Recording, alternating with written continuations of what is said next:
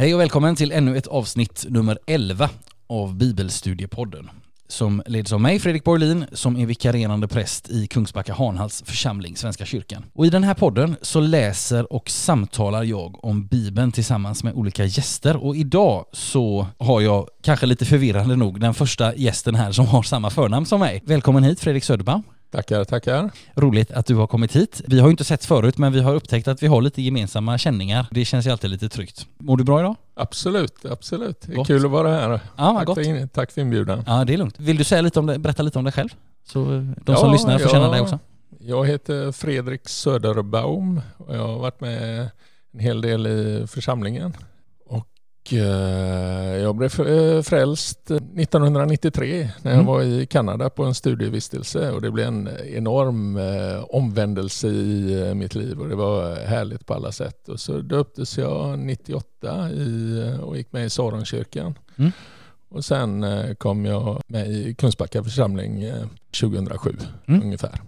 Och finns idag i pingstförsamlingen framförallt i Kungsbacka, visst är det så? Ja, Ja. Eh, sedan några år tillbaka så har vi eh, eh, flyttat över lite mer Ja. till eh, Ja. pingstförsamlingen. Då. Men jag går här i Kungsbacka församling med och känner många eh, nära vänner och, och så. Ja, gott. Vi hade ju i förra, förra avsnittet så hade vi David och eh, Josefin Fröjmark här och då, eh, som också som finns med i EFS-gruppen här i Kungsbacka så att det, vi, vi, vi kan tänka att det också är lite, lite ekumenik i detta projektet. Och det är också gott att, eh, att kunna samlas över samfundsgränserna och också då ha ordet i centrum. Att det Absolut. inte är våra egna tankar och preferenser utan att det är, det är ordet som får vara i centrum. Så du, det känns gott och du ska känna dig varmt välkommen hit. Underbart. Tackar. Bara en liten sån här allmän bibelfråga innan vi, innan vi ska dra igång med själva läsningen och samtalet och sådär. När, var och hur läser du Bibeln? Ja, jag försöker ju eh, läsa ganska mycket. Mm. Men eh, det går lite upp och ner. Ja, Så är det. Det har, det har tidigare gäster sagt också att det här är, det går upp och ner som, ja. Ja, det gör det ju absolut. Jag är väl en sån som gärna vill eh, beforska ordet och Mm. eh, läsa på djupet och ha Mm. min eh, handbok för livet nära och läsa Just det. kommentarer och allt sånt där. ja. Och då, då behöver man ju lite tid. Just det. Eh, Så att det är inte alltid jag tar mig den tiden tyvärr. Nej. Utan nu, men nu har ju mobillapparna gjort ordet eh, väldigt tillgängligt. Så Ja, att det är bara verkligen. att kasta upp eh, och läsa när man eh, känner för det. Mm. Eh, Jag själv är otroligt morgontrött, annars hade jag gärna velat eh, läsa på morgonen som, Ja, min, det. Mm. eh, som min fru Lisette eh, skulle kunna göra. Det vi Mm. har eh, slutat med, eller det vi har kommit till är att vi varje morgon läser eh, Wilfrid Stinnisen. Ja, okej. Han Just är det. ju en fantastisk eh, källa som eh, håller sig nära ordet hela tiden. Så Just där det. får vi en eh, bra start på dagen. Just det. En, eh, precis, en, en duktig författare och som, som skriver väldigt eh, välgörande kan man säga. Absolut. Eh, har skrivit många bra böcker. Intressant att du nämner Handbok för livet, bara för er som, som inte känner till det här. Vad är Handbok för livet? Jo men det är en, nu får du rätta mig om jag har fel här Fredrik, men det är alltså en, en bibelutgåva med en parafras, alltså med en, ett ganska vardagligt, vardagsnära språk. Men grejen med Handbok för livet är också att det finns jätte, jättemycket fakta runt omkring. Alltså kartor och om det är någon ny person som kommer in så får man ett litet porträtt av den personen och det är mycket späckat på ett ställe kan man säga. Visst är det så? Absolut, och det finns ju om, i varje kapitel finns det massa noter och förklaringar då. Mm. Och det kan ju både vara rena faktasaker, men det som jag fastnar ofta för är ju att de, eh, de har en tillämpning Mm. utav ordet som är förklarande och eh, hjälper en i att eh, verkligen eh, se kärnan i budskapet och sen väldigt bra att den utmanar en Mm. att leva efter ordet. Mm. Ja men precis, att det inte bara blir så att säga en utläggning och en, en liksom, alltså fakta, utan att det också får bli ja, men som en tillämpning. Att, att vad kan detta säga, vad kan, hur kan detta utmana mig och få mig att växa i min tro och i min relation till Gud liksom. Så det är gott, men du, så att det, det kan, det kan, Handbok för livet kan rekommenderas med andra ord. Absolut, varje kristen borde ha den. Ja, ja där hör ni. Och eh, jag tänker att det, vi, har ju, vi har varit inne på detta någon gång innan vill jag minnas i podden, det här med eh, bra bibelläsningshjälpmedel. Nu kan jag, minns jag inte om vi nämnde Handbok för livet, så att säga, just den titeln, men, men just det här att ha en studiebibel av något slag som ju Handbok för livet är, det är inte dumt alltså. För Nej. det är många böcker i en, en Ja, studiebibel. Väldigt många absolut, böcker i en. Absolut. Gott. Vi ska ta och kasta oss in i texten, men vi ska göra som vi brukar göra när vi kommer ihåg det, nämligen vi ska bara kort samla oss i bön inför vår läsning. Vi kommer att be här och be gärna du som lyssnar med oss, för det är gott att komma till ordet med en förväntan på att man ska få någonting med sig. Någonting mer än bara bokstäverna man ser på sidan eller hör. Så vi, vi ber. Kära Herre, så ber vi att du öppnar ditt ord för våra hjärtan och att du öppnar våra hjärtan för ditt ord. Amen. Amen. Idag så ska vi ta oss an Markus 11, men vi behöver faktiskt stryka under en sak innan, som en liten, liten kort repetition. Och det är att i dagens avsnitt, det ska vi stryka under, i dagens avsnitt så händer det någonting nytt. Jesus har kommit till Jerusalem. För ibland när vi läser en, en bok eller någon försöker liksom ta till oss någonting nytt så hjälper det oss att dela upp saker och ting i mindre liksom sjok eller mindre delar. Och när det kommer till Marcus evangeliet som vi liksom jobbar oss igenom här så går det alldeles utmärkt att tänka på Marcus evangelium i tre delar. Första delen det är allt det där som äger rum uppe i Galileen. Den norra delen i Israel. Jesus vandrar omkring, han undervisar, han botar sjuka och så vidare och så vidare. Och så har vi del två, nämligen vandringen ner till Jerusalem när Jesus på samma gång börjar förklara vad som är hans djupaste och viktigaste uppgift, nämligen att lida och dö för människors skull. Han säger det tre gånger i kapitel 8, 9 och 10 och därför förstår vi att det är viktigt. Så det är verksamheten uppe i Galileen och sen så är det resan ner till Jerusalem och så är det den tredje och sista delen av Markus som äger rum i Jerusalem. De sista dagarna i Jesu liv och, det, och allt det som händer då. Och det är denna, den tredje och sista delen, som vi nu går in i idag och som vi håller oss i det här avsnittet och de resterande avsnitten av den här serien. Så jag tänker att vi ska köra igång. Vi ska lyssna till eh, det första avsnittet som Fredrik ska läsa för oss och det är alltså, vi börjar alltså läsa i Markus 11 från vers 1 och så läser vi ett par versar neråt. Och i min bibel så har det här avsnittet överskriften Intåget i Jerusalem. Vilken bibel kommer du, vilken översättning kommer du läsa ur Fredrik? Jag läser folkbibeln 98 då. Utmärkt. Jesu intåg i Jerusalem, Markus kapitel 11. När de närmade sig Jerusalem och var i närheten av Betfage och Betania vid Oljeberget sände han iväg två av sina lärjungar och sa till dem Gå till byn som ligger framför er. Så snart ni kommer in i den ska ni finna ett åsneföl som är bundet och som ännu ingen har suttit på. Lös det och led det hit. Om någon frågar varför ni gör så ska ni svara Herren behöver det. Och ägaren ska genast sända hit det. De gav, i, gav sig iväg och fann ett åsneföl ute på gatan bundet vid en port och de löste det.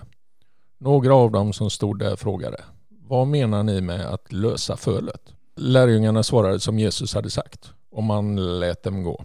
De ledde åsnefölet till Jesus och lade sina mantlar på det och han satt upp. Och många bredde ut sina mantlar på vägen. Andra skar av kvistar ute på fälten och strödde på vägen. Och de som gick före och de som följde efter ropade Hosianna, välsignad är han som kommer i Herrens namn.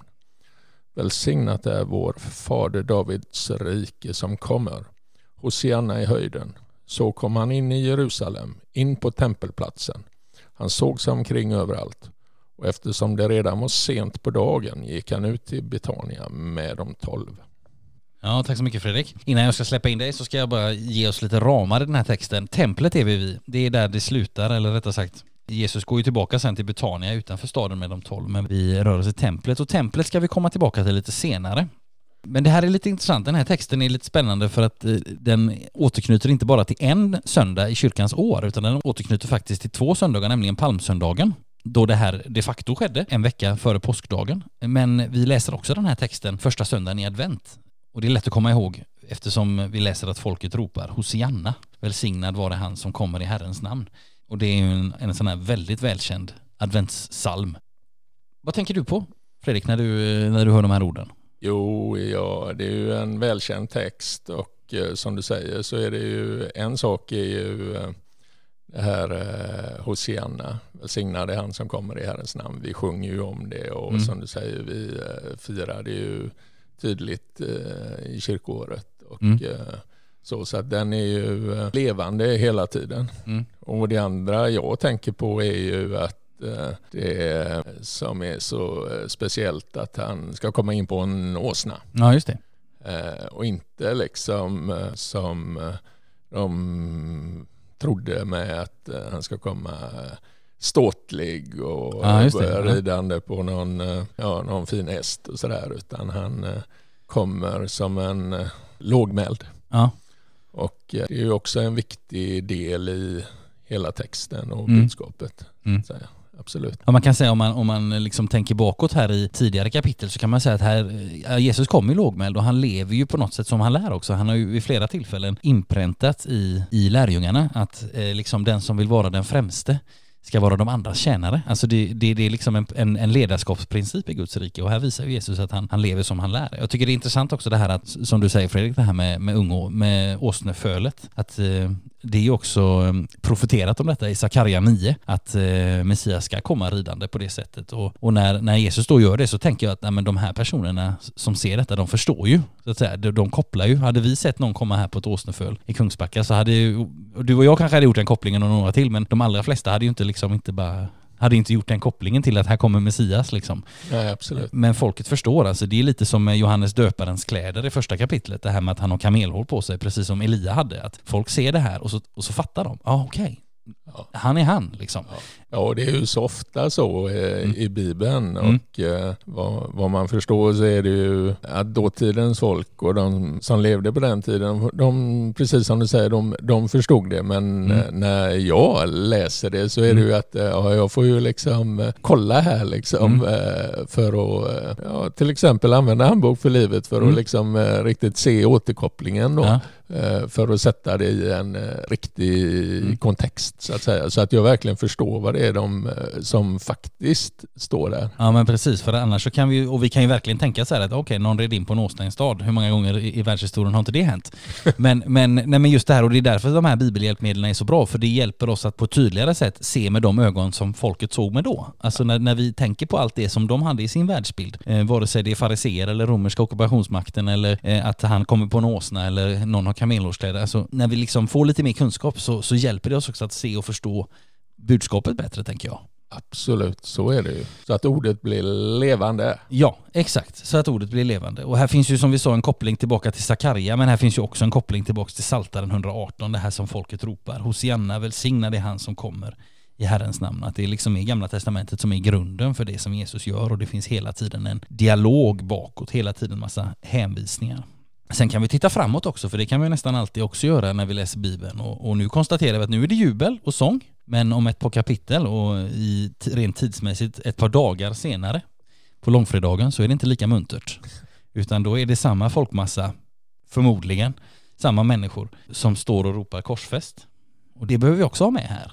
Ja, Eh, ja. Att, att eh, Jesus vet åt vilket håll han rider så att säga, men han gör det ändå villigt. Jag tror att, att, och det kan vara svårt för oss att förstå det här, att hur kunde den här folkmassan som ropar Hosianna ena dagen ropa korsfäst andra dagen? Och jag, tr- jag tror att en nyckel i, i just den här texten till att förstå det, det är det här som, som folket ropar efter att de har ropat Hosianna, nämligen välsignad vår fader Davids rike som nu kommer, det vill säga det finns och det fanns en förväntan på att Messias inte bara skulle vara liksom Guds utvalde utan också att han skulle vara så som David var. Det vill säga en stridskung. Någon som liksom kan skicka ut Israels fiender och etablera ett stort, också i, med världsliga mått mätt, ett stort kungarike. Så att det finns nog ganska mycket förväntan på att den här Jesus, även om han kommer på en åsna, att det ska bli någon typ av revolt mot romarna. Det här kan vara en förklaring, men det är nog inte hela förklaringen. Men det kan vara en förklaring till varför man helt enkelt, varför man några dagar senare kan ropa korsfäst. För man, Messias var inte den Messias som vi trodde.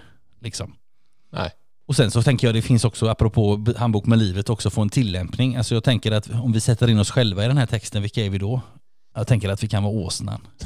Alltså vi står ju bund, alltså på Ja. något plan så, så är vi också bundna av saker i livet. Vi står där bundna och så kommer Jesus förbi och så, och så löser han oss, eller det är hans lärjungar som löser åsnan och så, så får vi bli använda och bära Jesus liksom. Jag tänker att det är en, det är en nivå i den här texten. Att eh, vi kan vara, nu ska inte vi kalla lyssnarna för åsnor, men, men just det här att åsnan Ja. blir löst och så blir den använd. Ja, tagen det är i anspråk, bra. Det, har- liksom. det har Mm. jag inte tänkt på innan. Så det, det är en bra, bra bild. Mm. Det är ju så. Ju djupare man... Det finns alltid fler dimensioner i Guds ord. Ja, det finns alltid fler dimensioner och det, och det är också därför det är gott att komma, komma samman och prata. För att eh, man har aldrig sett eller hört allt. Och man, eh, när man träffar och pratar med andra människor om Bibeln så blir det också möjligt att se vad de ser. Och det är också värdefullt. Ja, jag tänkte att vi ska göra så att vi ska ta nästa korta, korta avsnitt eh, som handlar om fikonträdet och det är en riktigt klurig text. Den är, den är väldigt utmanande. Men ska vi säga innan Fredrik börjar läsa här nu att eh, vi ska fördjupa oss faktiskt lite i det här fikonträdet. Men vi gör så att vi börjar med att, att lyssna till texten. Absolut. Eh, Markus kapitel 11, vers 12. Jag läser. När de dagen därefter var på väg från Betania blev han hungrig. På långt håll såg han ett fikonträd som hade gröna blad och han gick dit för att se om han eh, skulle finna något på det. Men han kom fram till trädet fann han ingenting annat än blad. Var det då inte fikonens tid? Jesus sa till trädet Aldrig någonsin ska någon äta frukt från dig. Detta hörde hans lärjungar. Tack så mycket. Det är intressant det här med olika bibelöversättningar. För du sa, vad var det du läste om tiden för fikon? Var det då inte fikonens tid? Frågetecken. Just det, ja, det var som en fråga, ja just det. Och här i Bibel 2000 så, så är det ett påstående med, med samma sak, det vill säga det var inte rätta tiden för fikon. Nej, vad, vad, tänker du när du eh, hör den här texten Fredrik? Jo men den här texten är ju eh, intressant och eh, jag själv, eh, det är ju så att eh, när jag läste eh, nu inför förberedelsen här då mm. igen då, jag är ju, mm. liksom, men det var ett tag sedan jag läste den här texten. Mm. Så, ja men vad är det det står egentligen? Jag mm. förstår inte riktigt. Men läser man hela kapitlet så mm. blir det ju lite tydligare. Men, det, mm. men det, just det som står här hänger ihop med det som kommer lite senare. Så att just här så Eh, är det ofullständigt på något sätt. Ja, jo men det är det. Och jag tänker det är, alltså vi kan ju dels utmanas kraftigt av att Jesus förbannar det här trädet. Och sen när vi läser att det var inte rätta tiden för fikon. Nej. Då det, blir det ju ännu svårare att förstå varför Jesus gör det han gör. Men faktum, faktum är att det, det, det finns en del, en del saker som om vi känner till dem så, så kan det här underlätta ganska betydligt för att förstå vad det är Jesus är ute efter här. Alltså den rätta tiden för fikon kan man ju börja med. När är det? Ja, det är juni. Då skördar man de tidiga fikonen och sen så är det augusti, då tar man liksom efterskörden eller den andra skörden på fikonträdet. Och det här som vi läser om nu, det här tillfället, det är ju någon gång i april tror jag, bör det vara. Men redan med bladen, för det står ju att, att, trädet har gröna blad, men redan med bladen som vi läser att, eh, att trädet har, så kommer de första små karten från fikonet. Och många av de här karten de faller av och en del eh, brådmognar upp liksom. Och fastän de här karten eh, efter kanske våra begrepp inte smakar speciellt gott så går de att äta. Och det var vanligt att man gjorde det, att man åt av de här fikonkarten även om de inte var goda. Alltså man var hungrig och då, då behövde man någonting att äta. Så att man, man kan mycket väl äta de här karten även om de som sagt inte är någon höjdare. Och det var alltså de här karten, de små, små, små liksom förstadiet till frukt som Jesus är på jakt efter. För vi läser att han är hungrig. Men på det här trädet så finns det alltså bara löv. För Jesus hittar ju ingenting. Trädet det har alltså inte blommat överhuvudtaget och verkar därför vara sterilt på något sätt. Alltså det, det, finns ingen, ingen blomning, det finns ingen fruktbildning överhuvudtaget. Och just det här trädet har alltså vad det verkar aldrig någon frukt. Inte när det är rätta tiden för fikon och inte heller när det är annan tid så som det är nu. Utan den har bara blad. För annars så hade det funnits de här små karten som inte är så goda men som man kan äta och som Jesus är på jakt efter. Och då gör Jesus någonting som vi annars inte får något exempel på. Någonstans i evangelierna, han uttalar en straffdom. Han dömer trädet att förbli sterilt. Och många har undrat såklart varför Jesus gjorde detta och vad han ville med sin handling. Och en ledtråd är det är att titta som vi har sagt ganska många gånger, att titta bakåt i Bibeln till profeterna i Gamla Testamentet, för de kunde göra liknande saker. De kunde använda en drastisk handling för att åskådliggöra vad Gud vill eller vad Gud hade för planer. Och här finns alltså en pedagogisk funktion i att göra detta. Även om det är väldigt drastiskt så är det ändå en, liksom en bild. Jesus vill med den här bilden säga någonting till lärjungarna. Han är inte bara på dåligt humör eller liksom hungrig som vi kan vara lite surhungrig sådär utan han, han, vill, han, vill, han vill berätta någonting här. Så det här trädet som bara hade blad men som inte bar någon frukt och som inte, vad vi kan förstå, gjorde det någonsin. Det är alltså inte en förebild för oss. Det ser friskt ut det här trädet, det har massvis med trevliga gröna blad, men det är inte friskt för det bär inte någon frukt. Inte bara den här felaktiga tiden utan det bär aldrig någon frukt. För hade det gjort det så hade Jesus hittat de här små karten. Så det blir alltså en varning till oss kan man säga om att frukten av vår tro det är viktigare än ett grönskande och flashigt bladverk. Så med den här drastiska handlingen så verkar det som om Jesus vill säga precis som han säger på ett annat ställe i Matteus 12 på frukten känner man trädet. Och då kan man Jesus prata om bra och dålig frukt. Det här trädet har ingen frukt alls och det är inte heller bra. Sen kan man, bara för att liksom också påminna sig om att Jesus inte alltid talar med så här utmanande ord till oss, så kan man påminna sig om en liknelse som Jesus har och den är väldigt kort så jag tänkte jag skulle läsa den. Det är liknelsen om fikonträdet som inte bar frukt och den finns i Lukas 13 och det står så här. Jesus gav dem denna liknelse. En man hade ett fikonträd i sin vingård och han kom för att se om det fanns någon frukt på det men hittade ingen. Då sade han till sin trädgårdsmästare. I tre år har jag kommit och letat efter frukt på det här trädet utan att hitta någon. Hugg bort det. Varför skall det ta upp mark till ingen nytta? Trädgårdsmästaren svarade, Herre, låt det stå kvar ett år till, så ska jag gräva runt det och gödsla. Kanske bär det frukt nästa år. Om inte, så kan du hugga bort det då. Och det är gott att veta. Alltså Jesus kan använda fikonträdet både som en varnande bild, men också som en bild för vem han är och vad han gör. Det vill säga, det finns någon som vi kan be till som vi kan tala om med detta, om vår egen frukt och, och vad, vad, vi längtar efter och, och, vad som är våra liksom, svåra grejer, eh, vad, vad det är som vi behöver övervinna med hans kraft.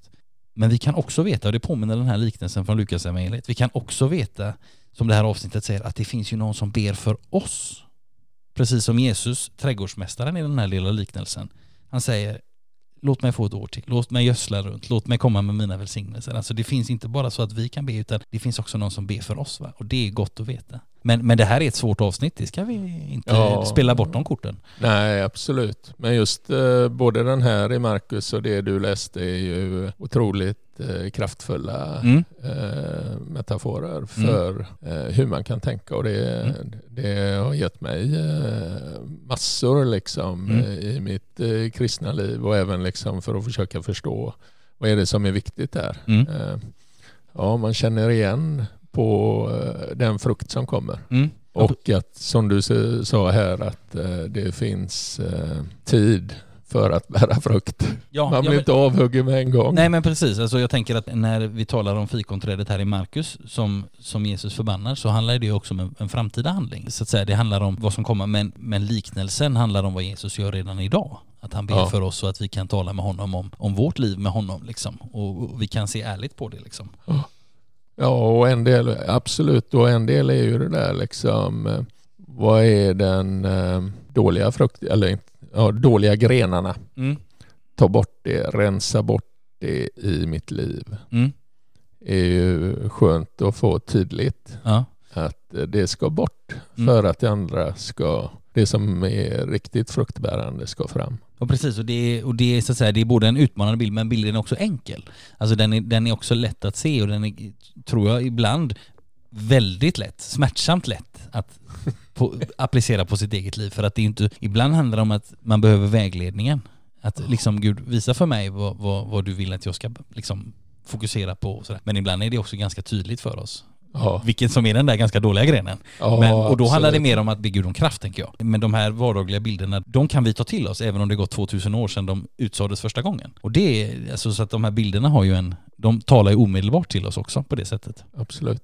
Eh, vi ska gå vidare och nu kommer vi till avsnittet där Jesus gör ett ganska dramatiskt tempelbesök. Och vi ska, vi ska faktiskt göra en liten historisk djupdykning i templet, för det är en, liksom en central liksom, institution och en, en, liksom en absolut mittpunkt i, i egentligen i hela, i hela judendomens liv och i hela Jesu liv också i mångt och mycket. Men, men vi ska göra så att vi ska lyssna till om när templet rensas först och Fredrik ska läsa för oss och sen ska vi efter en stund dyka ner i, i templet och dess historia. Yes, då läser jag Markus eh, kapitel 11, vers 15. Jesus rensa templet. De kom till Jerusalem och Jesus gick in på tempelplatsen och började driva ut dem som sålde och köpte. Han slog omkull borden för de som växlade pengar och stolarna för de som sålde duvor. Och han tillät inte att man bar på något över tempelplatsen. Han undervisade dem och sa, är det inte skrivet, mitt hus ska kallas ett bönens hus för alla folk men ni har gjort det till ett rövarnäste. När översteprästerna och de skriftlärde hörde detta försökte de finna ett sätt att röja honom i vägen. Ty de var rädda för honom eftersom alla människor var överväldigade av hans undervisning. Så snart det blev kväll lämnade han staden. Japp, vi har, eh, vi har inte minst i de inledande kapitlen av Markus konstaterat att Jesus inte sällan är i konfrontation med skriftlärda, fariseer, Herodesanhängare eh, och det kommer mer av den varan och ja, det, det är ett ganska bärande tema eh, i, i evangelierna det här att Jesus liksom möter motstånd, väcker strid. Men nu är det Jesus som är på offensiven ganska mycket kan man säga och vad tänker, vad tänker du Fredrik när du läser Nej, hör de här texterna? Det är ett fantastiskt eh, bibelställe och välkänt som vi alla vet Mm. och känner till på olika sätt. Mm. Och det är ju härligt att se att, han, eh, att Jesus kan eh, bli eh, frustrerad och vred. Mm. Samtidigt vet vi att han inte syndar men han visar ju var skåpet ska stå. Mm. Och det är ju härligt Mm. att veta det. För det är ju inte liksom att man är något passivt lamm som Nej. kristen då. Och den här eh, styrkan och vägvisningen av eh, rätt och fel Mm. eh, är ju viktig. Mm. Och den hjälper ju en att gå vidare och liksom eh, rätt är rätt och fel är fel. Mm. Absolut. Och jag tänker här är det också, här är det så, så tydligt också att alltså Jesus har, han har svårt att acceptera det här missbruket eller liksom de här momenten som, som stör tillbedjan liksom. Absolut, Eh, ja det är precis. Det är, ju, det är ju egentligen inte rätt och rätt utan det är ju också vad som är heligt. Mm. och eh, viktigast och Mm. vad man inte får, var gränsen går så att Ja. säga. Eh, bryt aldrig gränsen. Nej, nej men precis. Jag tänker vad är, det, vad, är det han, vad är det som är problemet här? Jo, det handlar om pengaväxling och det handlar om duvförsäljning och på ett sätt så hängde de, de, här, eh, de här båda verksamheterna, de hängde ihop med templet. Alltså duvorna såldes för att kunna offras i, i templet och pengar växlades, alltså det var pengaväxling som pilgrimer från när och fjärran som behövde växla till lokal valuta och för att kunna skänka någonting av den lokala valutan till templet så, så eh, fanns de här, den här pengaväxlingsrörelsen och även duvförsäljningen fanns här i närheten. Och varför retar det då Jesus? Alltså han är ju mycket väl medveten om att, att eh, duvor skulle offras och, och att människor behövde växla sina pengar. Jag tror att problemet är när det här stör tillbedjan. Ja, Alltså att när, när det så att säga, när, när man kommer till, till, till templet för att få, för att få liksom komma nära Gud och det enda man hör är hoande duvor och eh, klingande mynt liksom. Alltså det, det stör oss liksom. jag tänker väl på att eh, om jag förstår så kanske det finns någonting i det här också som är med att Eh, de eh, växlingspersonerna och de försäljarna utnyttjar det till max och eh, har höga priser och på ett sätt som eh, han inte tycker är riktigt då. Nej. Nej men så kan det säkert ha varit. Här finns också en koppling bakåt, både till eh, profeten Jesaja, det här att mitt hus ska kallas ett bönens hus för alla folk. Det är Jesaja 56 och sen så den här antydningen då att de här personerna har gjort det till ett rövarnäste. Ja, det är från profeten Jeremia kapitel 7. Och sen så sen får vi också en påminnelse allra sist, för det står ju så här att de var rädda för honom. Eftersom alla människor var överväldigade av hans undervisning. Alltså de var inte rädda för honom för att han fick ett utbrott framförallt, utan för att han hade stödet genom sin undervisning. Och det här hörde vi faktiskt om redan i kapitel 1 i Markus om hur människor blev överväldigade av, av undervisningen. Men om man tänker på templet, för det är, det är ganska gott att veta någonting mer om templet eftersom vi idag läser om att Jesus inte bara besöker utan också rensar templet så kan det vara på sin plats att säga någonting mer om just Jerusalems tempel som var centrum för allt judiskt liv, för alla judiska högtider, för alla judiska bekännare. Det är centrum för hela det sammanhang och det samhälle där Jesus vandrar omkring och där han undervisar och där han verkar. Och vi kan börja med att konstatera att Jesu besök i templet, som vi läser om nu först i kapitel 11 hos Markus, det är inte hans första besök. Redan när han är 40 dagar gammal så bärs Jesus fram i templet i enlighet med Mose lag. Det här berättar Lukas om i andra kapitlet. Och i samma evangelium och i samma kapitel så får vi också veta att Jesus som 12-åring är i templet och att han då talar om templet som sin faders hus. Så det här, har, det här är en viktig plats för Jesus. Det är inte templet han vänder sig emot utan så att säga saker som stör i templets närhet. Evangelisten Johannes han berättar om att Jesus gör flera besök i templet innan hans sista påsk i Jerusalem. Han, vi får både i kapitel 2, kapitel 7 och kapitel 10 i Johannes eh, reda på att Jesus befinner sig i templet. Det kan säkert vara fler gånger och jag kan ha missat någon här också. Och dessutom så var alla de stora judiska högtiderna på året och allra, allra mest påsken, det var tider då många judar vallfärdade till Jerusalem för att fira högtiden i staden och kring templet. Så det är mycket troligt att Jesus under sin barndom och sin uppväxt vid många tillfällen besökte Jerusalem och templet i samband med någon högtid, precis som vi läste i Lukas 2, att han och hans föräldrar gjorde när han var 12 år gammal. Kanske varje år, kanske rent av flera gånger om året, men Jesus har varit här förut. Och vad var det då de kom till? Jo, lite kort historia om templet. Templets historia, det börjar kan man säga med uttåget ur Egypten. Om vi backar ännu längre tillbaka till Abrahams, Isaks, Jakobs tid så vet vi att de reste altaren till Herrens ära. Men det talas inte om någon fast byggnad eftersom de här patriarkerna också i mångt och mycket var faktiskt, de var inte bofasta Eh, så som vi är idag, utan de var ett nomadfolk. Men efter att Gud har lett folket genom Röda havet, tillbaka från Egypten och in på Sinaihalvön och på vägen mot eh, det utlovade landet och efter att Gud har gett de tio buden på Sinai och slutit förbundet på Sinai så börjar Andra Mosebok från eh, kapitel 25 att beskriva tabernaklet eller som det också kallas, uppenbarelsetältet. Och tabernaklet det var ett stort tält och det var Guds boning. Där fanns förbundsarken, alltså ungefär en stor och vackert utsmyckad låda med lagtavlorna som Mose fått av Gud på Sinai. Där hade man dem. Tabernaklet det var Guds boning och det var en symbol för Guds närvaro mitt ibland folket. Eh, och det här stora och också inhägnade tältet det flyttade Israels folk helt enkelt med sig på sin vandring. Så det var som en Ja, som ett, ja, ungefär som om vi hade varit med i en eh, församling utan en fast kyrka. Vi hade ett partytält att fira gudstjänst i och så drar vi omkring med det. Ungefär på det sättet, även om kanske tabernaklet inte var ett partytält, men utan eh, lite mer utsmyckat, eller betydligt mer utsmyckat. Men de, folket hade alltså med sig det här tältet och slog upp det på de platser dit de kom. Och de hade också med sig det här tabernaklet när de kom till landet. Men det fanns en längtan efter någonting mer och ett riktigt permanent tempel. Men det tog tid. Det blev Davids son Salomo som byggde det första templet som därför kom att kallas just Salomos tempel. Och det, det kan vi läsa om i första kungaboken kapitel 6 7, andra krönikeboken kapitel 3 4. Och tiden för det här det är omkring 950 före Kristus. Enligt första kungaboken så lades grunden i Salomos tempel under hans fjärde regeringsår. 480 år efter uttåget ur Egypten och bygget tog, eller ska ha tagit, ungefär sju år. Och sen förstördes det templet efter ett antal hundra år av kung Nebukadnessar av Babylonien. Eh, 587 så eh, ödelägger han Salomos tempel och det hade faktiskt redan tidigare berövats, alltså templet hade redan tidigare berövats en del av sina ursprungliga skatter för att de här rikedomarna i templet hade använts för att betala tribut till olika grannfolk som hotade Israel. Men kung Nebukadnessar han förde också med sig många av Israels folk som fångar till Babylonien, det som också brukar kallas den babyloniska fångenskapen. Och i den här fångenskapen så får Israels folk tröst av inte minst profeten Hesekiel. För Hesekiel har en vision om ett nytt tempel som ska byggas upp. Det finns i, du kan läsa i kapitel 40 till 44. Och just den helgedomen som beskrivs där i, den byggdes aldrig. Men efter omkring 50 år så kommer de tillfångatagna tillbaka och återuppbyggnaden står klar ungefär 515 f.Kr.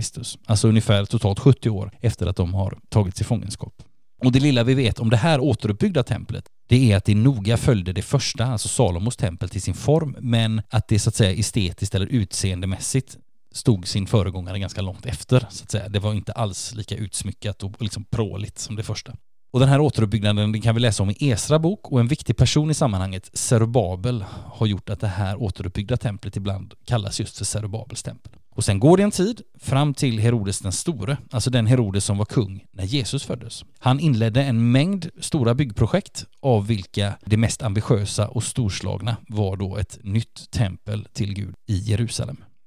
Han påbörjade det här arbetet 19 före Kristus och det var klart ungefär 9 före Kristus. Och Herodes, han var idumé men byggde också det här eh, templet som en, lite av en politisk taktik för att helt enkelt ställa sig in hos det judiska folk som han var satt att vara kung över, eller ja, lydkung då under Rom. Templet stod klart som sagt 9 före Kristus, eller nästan klart, för helt och hållet färdigt det blev det först 64 efter Kristus. Så att eh, det är nog mycket sagt att det skulle varit någon slags byggarbetsplats på Jesu tid. Alltså tänk dig någonting som är nästan färdigbyggt men inte helt färdigt. Så så bör templet ha sett ut under Jesu tid. Nästan färdigbyggt men lite detaljer kvar att putsa på sådär. Och en liten del av det här templet, alltså Herodes tempel, som var väldigt stort och väldigt pråligt, det finns kvar idag. Det som kallas för Västra muren, eller Klagomuren och beskrivningar utanför Bibeln, till exempel historikern Josefus berättar att det här var ett otroligt praktfullt byggnadsverk.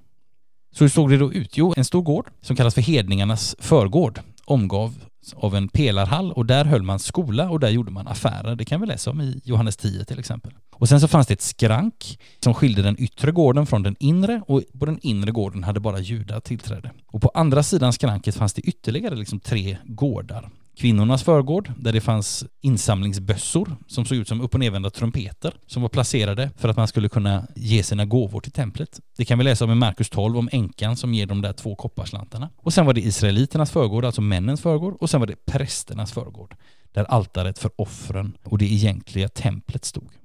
Herodes tempel, alltså det sista i raden, var större än Salomos men byggt efter samma struktur och väldigt rikt utsmyckat. Utsidan var förgylld och inuti så var väggarna, så glänste väggarna av guld. Det sista templet blev alltså klart 64 efter Kristus och fick stå i hela sex år. För år 70 efter Kristus så förstörs templet och det blir bara aska och sten kvar, förutom den där klagomuren. Förstörs av romarna av generalen Titus som ett romerskt svar på ett judiskt uppror. Och idag finns det alltså som vi har sagt bara kvar den här västra muren, eller klagomuren. Men det här var alltså en, på Jesu tid, en absolut dominerande byggnad i hela regionen. Eh, så att det var inget, det var inget litet tält längre, utan det var otroligt stort. Det är såklart svårt att bara så här i ljudform för er som lyssnar återge detta, men, men det bör också finnas en hel del bildmaterial man kan leta upp. Googla på det till exempel på nätet så, så bör ni kunna hitta någonting. Men det här är alltså en av, en av de byggnader som är tongivande också för sin storlek och för sin prakt i hela området. Absolut. Tack, eh, tack för den ja. Eh, beskrivningen. Jag har alltid drömt om att åka någon eh, sån här kristen vandringsresa till Israel. Men ja. jag, hittills har jag inte haft riktigt att det har funkat med barn och familj och tid mm. och allt sånt där. Men jag hade en arbetsresa till Jerusalem och då kunde jag ta några dagar mm. i, i, Jerusalem och mm. det var ju fantastiskt mäktigt ja. att speciellt uh, vara i Gamla stan och i, kring uh, tempelplatsen. Ja.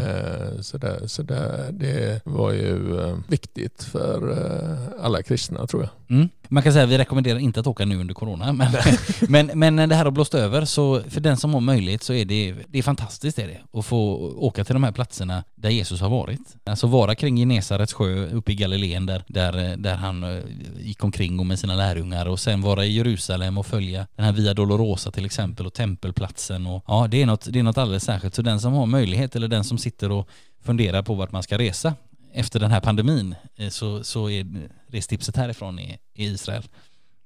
Vi ska, vi ska fortsätta, vi ska läsa, vi har två stycken avsnitt kvar. Nu kommer lite granna del två av det där fikonträdet. Så jag ber Fredrik läsa ifrån vers 20 i Markus 11. Tackar. Vers 20. När de tidigt på morgonen gick förbi fikonträdet såg de att eh, det hade torkat nerifrån roten. Petrus kom ihåg vad som hade hänt och sa till Jesus, Rabbi, se, fikonträdet som du förbannade har torkat.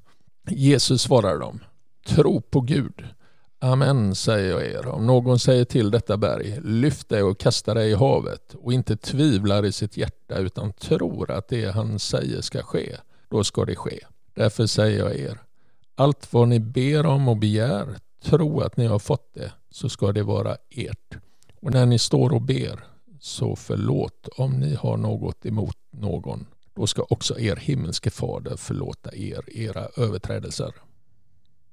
Yes, tack så mycket. Nu får vi lite en eh, kommentar eller en del två här på, på fikonträdet. Lärjungarna har upptäckt nu vad som, och i synnerhet Petrus då, har upptäckt vad som har hänt och får ett svar på det här. Vad, vad tänker du om detta Fredrik?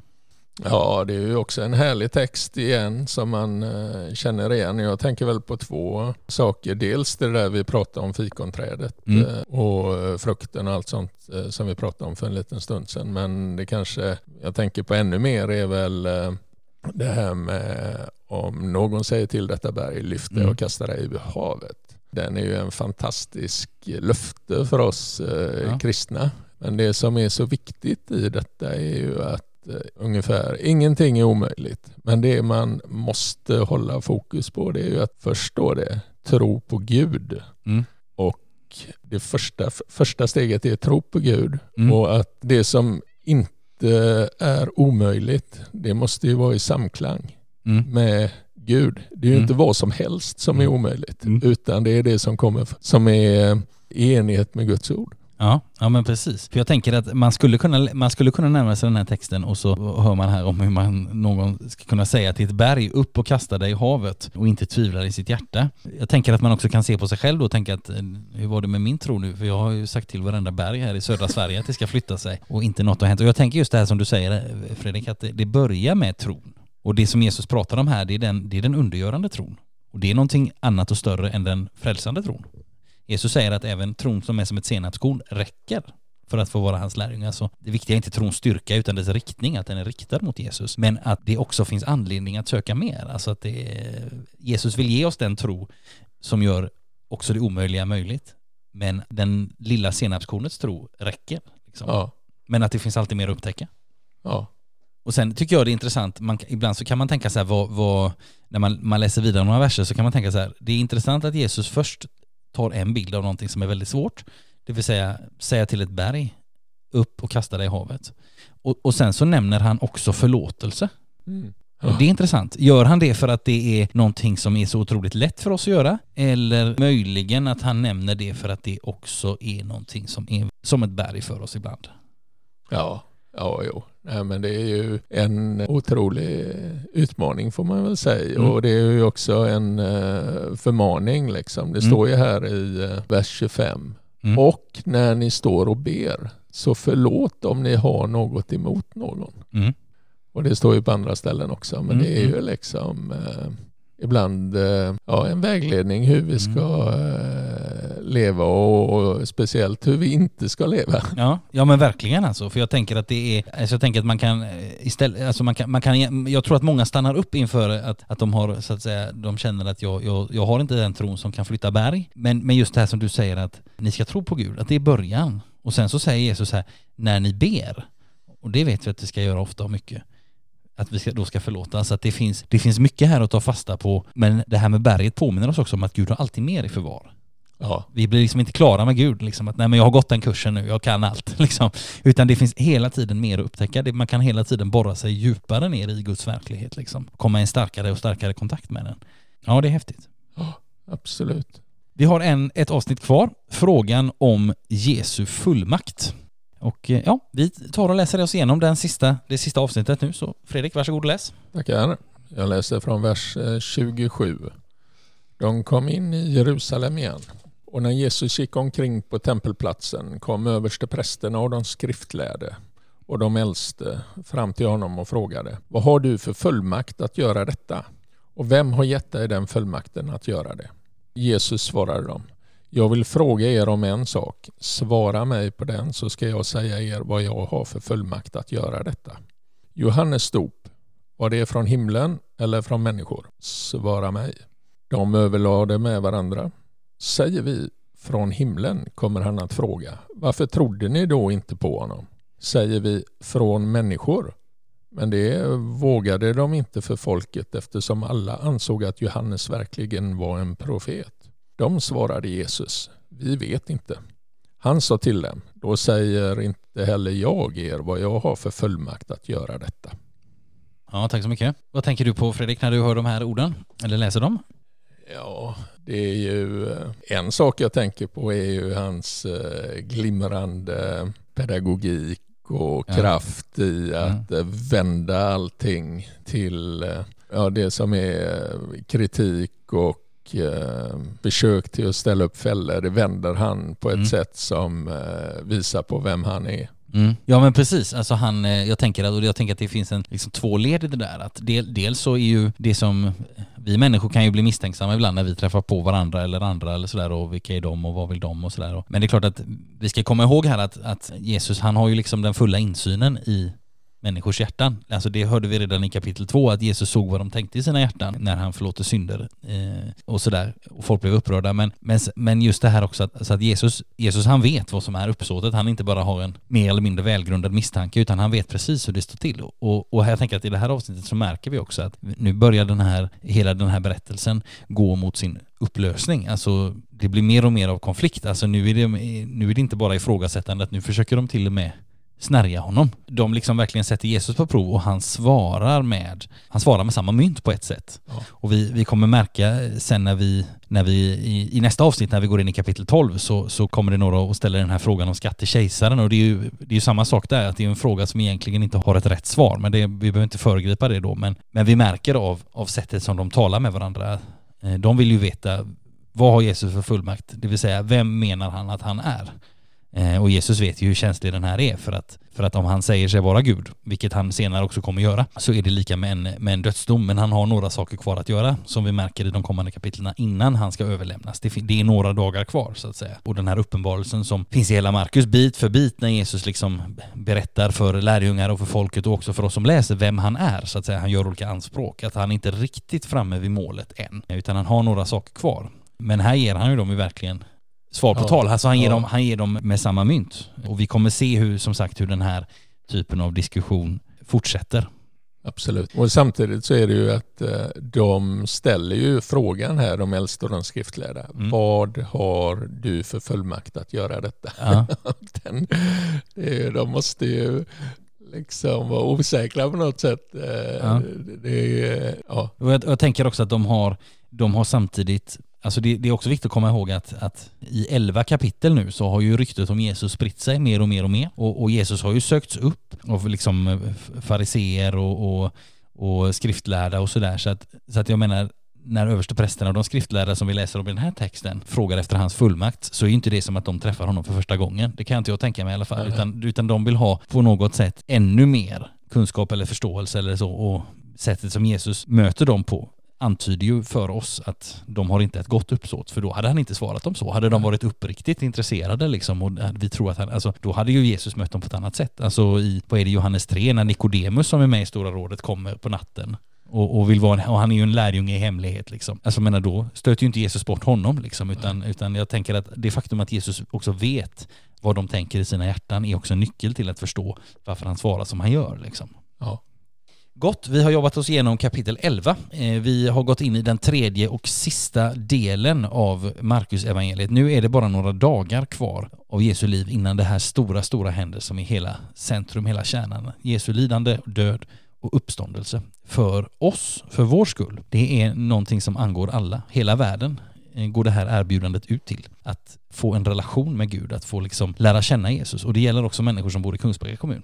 Eh, de är inte på något sätt undantagna från detta. Men vi har några kapitel kvar innan eh, och eh, därmed några avsnitt kvar i den här podden. Men till nästa gång så önskar vi dig allt gott. Vi som har suttit här, jag och Fredrik som har samtalat om kapitel 11. Hoppas att du som har lyssnat har fått något gott av detta. Tills nästa gång vi hörs så önskar vi dig Guds välsignelse och allt gott. Hej!